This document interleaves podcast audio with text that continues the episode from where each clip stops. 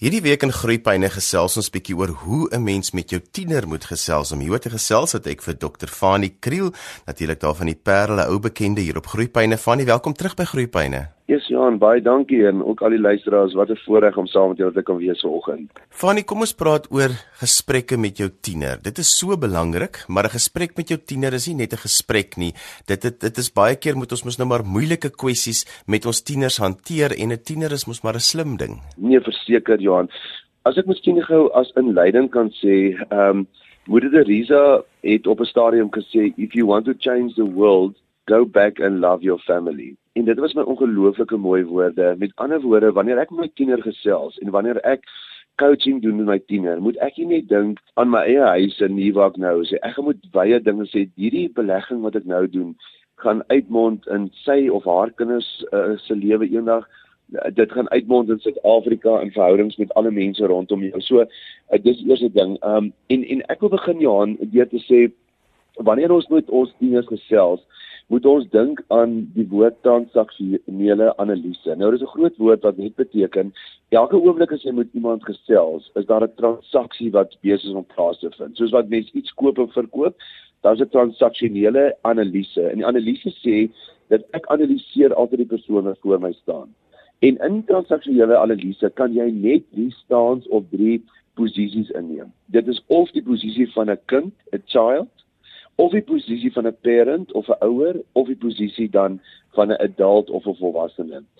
Nou wanneer ek met klein kindertjies werk in die laerskool, gaan, gaan ek meestal met hulle gesels van uit 'n parent child situasie. Met ander woorde, ek is die ouer en daai is die kind. Dit waarna ons streef Johan wanneer ons met ons tieners werk en praat, is dat ons geleidelik gaan oorgaan en dat die parent child analise gaan verdwyn en dat ons albei die adult adult uh, um ek wil amper sê behouding teenoor mekaar gaan inneem. Dis die volwasse manier om met jou kind te praat. Met ander woorde, jou aanname van die begin af is ek gaan nie afpraat met my tieners nie, want dan het jy reeds verloor. Ek gaan saam met my tieners sit. Ons gaan saam in sy lewe, in sy situasie of kom ek noem dit so in sy bootjie inklim en ons gaan begin saam roei. En sê my kind, hoekom roei jy in sekere opsigte van jou lewe altyd half teen die kant vas of jy jy hou nie rigting. Kom ek en jy gesels dan daarna. Maar dan raak dit 'n adult adult gesprek. Um en dan sê 'n mens, uh, dan vra jy vir jouself, maar, maar as daar twee soort van oogmerke is of doelwitte, Johan, wanneer ek met my tiener gesels wat ek wil bereik, want want jy kan baie vinnig vanuit jou wêreld en uit jou posisie kan jy na jou tiener kyk. So twee punte wat ek gou wil noem vir my belangrik is. Die eerste ding is as ek my tiener gesels, dan moet ek in my kop hê die beste wat jy kan word is jouself. So ek moet vir myself sê hierdie tiener van my is nie ekkie is ook nie my vrou of my man nie. Dis ook nie 'n mengsel van ons twee nie. Hierdie is 'n unieke persoon wat voor my sit en die beste wat my kind kan word is om homself te word. Is nie om prestasies te bereik of iewers sê so dit is die eerste ding van waaruit ek met my kind moet gesels. Dan die tweede punt wat ek as ek met my kind gesels, gaan dit oor die ding om te sê maar aan die einde van my lewe is die belangrikste vraag waarop ek moet ja antwoord is die vraag was ek ek gewees of was jy jy gewees en as jy daai twee goed in jou gesprekke met jou tieners gaan die tiener onmiddellik voel dit gaan nie oor jou nie gaan nie oor pa of ma of sy of haar agenda wat hulle inbring nie dit gaan regtig oor my en my pa of my ma gee om vir my wanneer hulle met my praat. Fanie, want dit is so belangrik want die hele tienerfase gaan mos nou maar oor identiteitsvorming en nou as deel van jou identiteit moet jy eksperimenteer, jy moet verken en um, dan is daar baie keer na so eksperimentering of verkenning wat 'n kind aangepak het, is daar 'n gesprek wat jy met jou kind moet hê en en en dan raak dit nogal moeilik om so jy noem die woord coaching gesprek te hê. Ja, uh, en Johan en, en ek is so bly want uh, ek bedoel vanuit jou gesprekke altyd oor um, um, ons in die onderwys en jy ken kinders so goed. So ek is so bly jy verstaan die woord identiteitsvorming. So miskien moet ek net vinnig dit sê, um, van 0 tot 10 jaar oud is is kind ag as jou ouers is die kind se totale identiteit. So ehm um, en dan van die ouderdom hier van 20 af tot 30 begin die die die volwassenes sy eie identiteit uitwerk en vorm. Maar in die tussenfase waar ons vandag praat die tieners, is kinders se identiteit baie sterk in hulle peergroep, in in hulle groep rondom hulle. So wat hulle doen is hulle gaan afstand van jou as ouer begin kry, want hulle wil nie meer jou identiteit hê nie. So hulle gaan soms afstand kry um, agter 'n toedeur sit. Hulle gaan vir jou ehm um, soms ook kritiseer want hulle moet hulle self teenoor jou posisioneer. Dis 'n leerproses. So jy's absoluut reg om te sê in hierdie tienerfase van ons gaan kinders paar keer paar wye draaie stap, nê? Nee. En hulle gaan soms vir ons op 'n morele vlak bietjie teleurstel. Maar ons moet net altyd onthou Johan, hulle is besig om hulle eie identiteit uit te werk. Hulle is besig om te gaan toets maar wie is ek in die lewe. Nou, nou kom ons gaan terug na ons onderwerp. Nou het jou kind ek kry jou kind swaar in sekere areas van sy of haar lewe. Sien nou maar met die peer groep of maats of sy meisie het hom afgesê. En en hoe gaan jy dan in hierdie coaching gesprek uh, betrokke raak en hoe moet die vorm daarvan aanneem? Ek dink uh, in 'n coaching gesprek gaan soek jy altyd op 'n positiewe maniere na gedrag en emosies wat die kind inhibeer of seermaak. So, miskien moet ek net sê jy jy dis jou eerste stap, jou eerste gesprek met die kind. Om jy begin waar die kind is om te sê my kind jou my sê jy nou afgesê jy's jy in 'n absolute gat. Ehm um, en en al wat pappa wil doen is ek wil net 'n bietjie by jou gesit, is dit 'n gesels. Ehm um, en en wat het jou seer gemaak in hierdie hele proses? Deel moet pa of deel moet maar in coaching soek soek 'n mens ehm um, op positiewe maniere na gedrag en emosies wat die kind inhibeer of seermaak. Met ander woorde, hierdie kind is nou in 'n fase, hy's uit die sy's uit die netbalspan uit gegooi of sy het haar ehm um, die verhouding het geëindig en nou gaan 'n mens sê wat het gebeur hier en en en as 'n eerste coaching gesprek gaan sit jy saam met jou kind en sê wat is vir jou sleg in hierdie omstandighede? Wat het hier gebeur? Wat inhibeer jou of maak jou seer?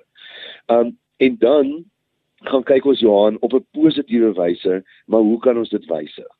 Hoe kan ek en die kind saam deelneem in 'n gesprek om te sê hoe gaan pa vir jou kan help in in terme van hierdie hele proses? Dan ehm um, die kind neem dan saam met jou verantwoordelikheid ehm um, vir vir sy of haar lewe. So nou gaan ons weer terug na die hele ding van adult adult. So ek praat nie meer af as 'n ouer na my kind toe nie, maar ons as twee in hakies volwassenes gaan sit en gaan kyk na hierdie kind se lewe en kyk wat het gebeur. Dan gaan soek ons na areas en omstandighede waar die tiener goed voel oor homself of waar die tiener goed doen. So kom ons vat 'n voorbeeld jou seun het nou net sy meisie verloor of doen nie goed op akademiese vlak of met met met sy maats nie. Maar hy's 'n briljante kriketspeler. En dan gaan kyk ons wat is die goed wat maak dat jy 'n goeie kriketspeler is? Goed soos hardwerkendheid, fokus, deursettingsvermoë, ehm um, uh, verhouding met jou coach en ons gaan kyk na verskillende soort van ek wil amper sê talente, entiteite wat hom laat laat vorder of laat goed doen in daai omstandighede. En dan gaan ons en sê, hoekom gebeur dit daar vir jou? Met ander woorde, hoekom is jy so 'n goeie kriketspeler of hoekom is jy goed in jou akademie en in 'n ander fase of 'n ander area van jou lewe nie? En dan vat ons dat dra ons daai, dis amper soos jy met 'n muis te trek, dan trek ons daai eienskappe wat wat hy het in goeie omstandighede in sy lewe, vat ons na die die moeiliker of donker omstandighede van sy of haar lewe. En en dan soek ons na oplossings saam met die kind. En sê maar op hierdie een area doen jy dit. Hoe gaan jy dit kan toepas sien wat tussen jou maats? Of hoe gaan jy as 'n goeie kriketspeler of iemand wat baie goed is in akademie, hoe gaan jy daai selfvertroue indra wanneer jy vanaand na die dans toe gaan saam met jou maats en dan dan sit julle bietjie daaroor in gesels. En en in hierdie positiewe gesprek lei jy die kind om te sê maar daar's verskillende areas in jou lewe waar jy goed doen en waar jy sleg doen en hoe kan ons hierdie bymekaar uitbring en dit leer vanuit die goeie na die slegte. Fanny, wat vir my baie belangrik is is dat 'n ouer moet altyd hoor wat sy kind sê en nie besluit wat die probleem is nie, want baie keer dan kom ons met ons er jare ervaring besluit namens die kind wat die probleem is en dan baie keer mis ons heeltemal wat eintlik verkeerd geloop het. Verseker so. Ek ek dink dis verskillik belangrik want jy sit vanuit jou perspektief, maar ook my seun het op 'n stadium vir iemand gesê met wie hy 'n lang gesprek gevoer het. Toe sê hy, "Het jy ek kan nie met my pa oor hierdie ding praat nie want want my pa gaan vir my of sê dis goed of sleg. En ek wil nie hoor dis goed of sleg nie. Ek wil dit net op die tafel sit en sê maar ek gaan nie goed of sleg wees um as in in hierdie bepaalde gedrag. So Johannes so belangrik dat ons moet onderskei van die gedrag um en van die persoon. Ons kan altyd hard wees op die gedrag of um saam met die kind probeer wysig, maar die kind moet altyd die ervaring hê die tiener ek aanvaar hom as kind. So so wanneer ons hierdie vooropgestelde idees het soos jy sê, verstaan ons nie die die die kind se omstandighede nie. Want onthou, hulle leef in 'n hashtag omgewing. Hulle leef in 'n hashtag familie en en en, en vriende rondom hulle. Dit is hulle wêreld waarin hulle leef. En as jy van buite af inkom met met sekere idees wat nie pas in hulle wêreld nie, gaan hy onmiddellik jou afskryf van sy kop as oudtyds of ag jy verstaan nie of jy's nie daar nie. So ek dink as ons uh, nog 'n beginsel wil toepas in hierdie coaching gesprekke is om vir jouself te sê gaan luister, luister, luister. Jy, jy kan nooit te veel luister nie voordat jy enigstens reageer of in 'n gesprek met jou kind betrokke raak. Fanny die vraag van die regte vraag en dit is baie keer nie die vraag hoekom het jy so gemaak nie want die hoekom vraag het nie altyd 'n antwoord nie. Hmm, ja. Ek dink baie belangrik dat 'n mens vra sou vra uh met open endings Johan. Ehm um, vra soos byvoorbeeld ehm um, ag vertel vir pa 'n bietjie meer ehm um, van jou cricket seisoen of ehm um, ek kom agter jy bel nie so baie meer vir Sonja nie. Ehm um, is daar vertel my 'n bietjie hoe gaan dit met julle verhouding op hierdie stadium? En dat dat dat die kind begin gesels en die kind begin maar ek dink Johan in hierdie gesprekke waarvan ons praat prakties nê. Nee, mens moet dit nooit op 'n hit and run basis doen nie. Jy, jy kan nie dit doen as jy haastig op pad is en vra sommer net so 'n vraagie. Die kind moet sien pa maak die deur toe, hy roep my na sy kantoor toe of hy kom sit by my op die bed en hy begin sommer net in hierdie tyd. Uh, hy gaan nie weer opspring en loop nie en ons kan selfs 'n lekker plek is ook in die motor as 'n mens ver ry. Ons sommer net so want on, ons moet onthou baie keer gaan ons uit van die uit die uit die, uh, die beginsel of die die opinie in ons agterkop dat ons kinders wil nie met ons praat nie of hulle is nie lief vir ons nie of op hierdie stadium sien ons net as oudtyds of ons moet uit hulle lewe uitbly. 'n Kind is altyd lief vir sy ouer en hy wil altyd hê maar 'n pa of 'n ma moet deelneem in 'n gesprek. Maar dis hoe ons deelneem. So Johan, ek wil vandag nog 'n onderskeid gou maak um tussen 'n prominente storielyn en 'n alternatiewe storielyn. So ons tieners kom baie keer na ons toe met hulle prominente storielyn. Met ander woorde, hulle het nie die eerste span gemaak nie of hulle um hulle gaan hierdie jaar moet herhaal en hulle voel verskriklik sleg om saam met nuwe kinders in 'n klas te sit. Hulle voel soos 'n mislukking of hulle hulle peer groep het hulle uitgestoot en dis die kind se prominente storielyn. So dit is wat van vanoggend tot vanaand sy lewe oorheers en alwaarna hy kan dink. En ons moet nie daai prominente storielyn van ons kinders wegvat nie, want ons kan nie dit altyd doen nie. So wat is die antwoord? dit lyk soos 'n treinspoor. Die een deel van die spoor is die prominente storielyn, dan voer ons in ons gesprek, die coaching gesprek met ons kind, voer ons 'n alternatiewe storielyn in. Om te sê, goed, jy het nou hierdie jaar van jou gaan jy moet herhaal. Kom ons dink nuut oor hoe gaan ons dit vir jou kan beter maak hierdie jaar.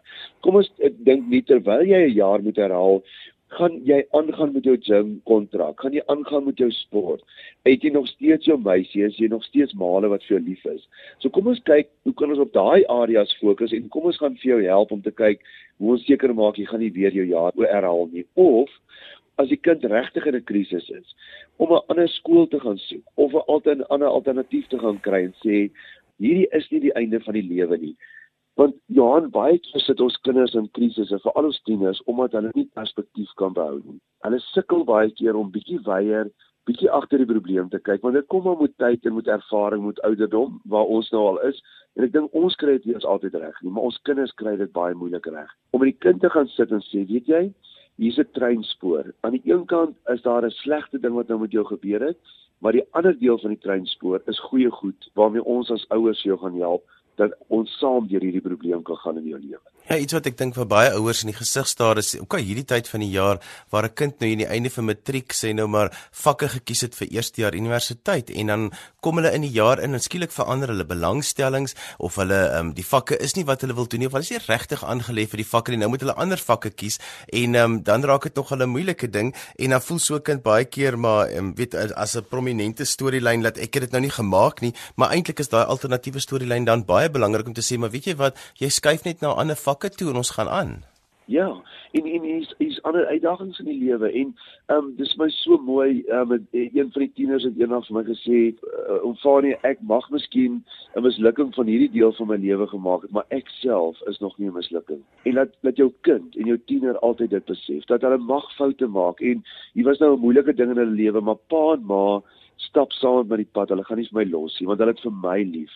En soos ek in die begin begin het, hulle wil vir my help om die beste wat jy kan word om om die beste jy, eh, te te kan wees in jouself. En en ek dink Johan 'n baie belangrike ding in coaching met ons tieners is is om vir ons kinders te sê jy hoef nie die beste te wees in die lewe nie. Jy moet net jou beste wees. Uh, geen net wat jy kan voluit en as jy dan daar foute maak, hierdie is 'n leerproses. Hierdie is 'n manier van opstaan. Hierdie is 'n manier om sterker te word. Babietjies moet van die grond af eet om kieme op te tel. Tieners moet kan foute maak. En ons as ouers moet sê, dit gaan nie oor hulle prestasies en dit wat hulle bereik nie. Dit gaan oor wie my kind is en ek het hom lief vir wie hy is in terme van en wie sy is in hulle identiteit. Fanny, wat is die verskil tussen om te raas om of jou frustrasie uit te druk oor sekere goed wat gebeur in die huis, ehm um, selfs te skel uh, en 'n coaching gesprek? Die verskil is dat dis beheers. Die verskil is dat dis nie van bo na onder nie, so dis nie 'n 'n parent wat skree of raas met sy kind wat nou weer fout gemaak het nie, want Johan, kom ons sê dit vir mekaar, nee. Ek dink dis verskillik belangrik vanoggend. Niemand van ons hou daarvan om gekritiseer te word nie. Niemand. En, en dink gou 'n bietjie hoeveel kritiseer ons ons tieners of ons kinders. Ek weet hulle is in 'n groei in 'n leerkurwe van hulle lewe maak foute. Maar elke keer as jy kritiseer, elke keer as jy skree, elke keer as jy raas, maak jy seer, breek jy 'n stukkie eie ware selfbeeld af. Nou met coaching kan sit ons twee. Ek praat nie van bo af af as parent na child nie. Ons praat soos twee adults, twee volwassenes mekaar. En die tiener neem deel in die gesprek. So hy is saam met my rigtinggewend in hierdie lewe van hom. Ons twee gaan dink saam oor die rigting waarin hy gaan en ek sê nie vir hom watter rigting hy moet gaan nie. So dan gaan dink ons saam en daar's altyd wederwysige respek.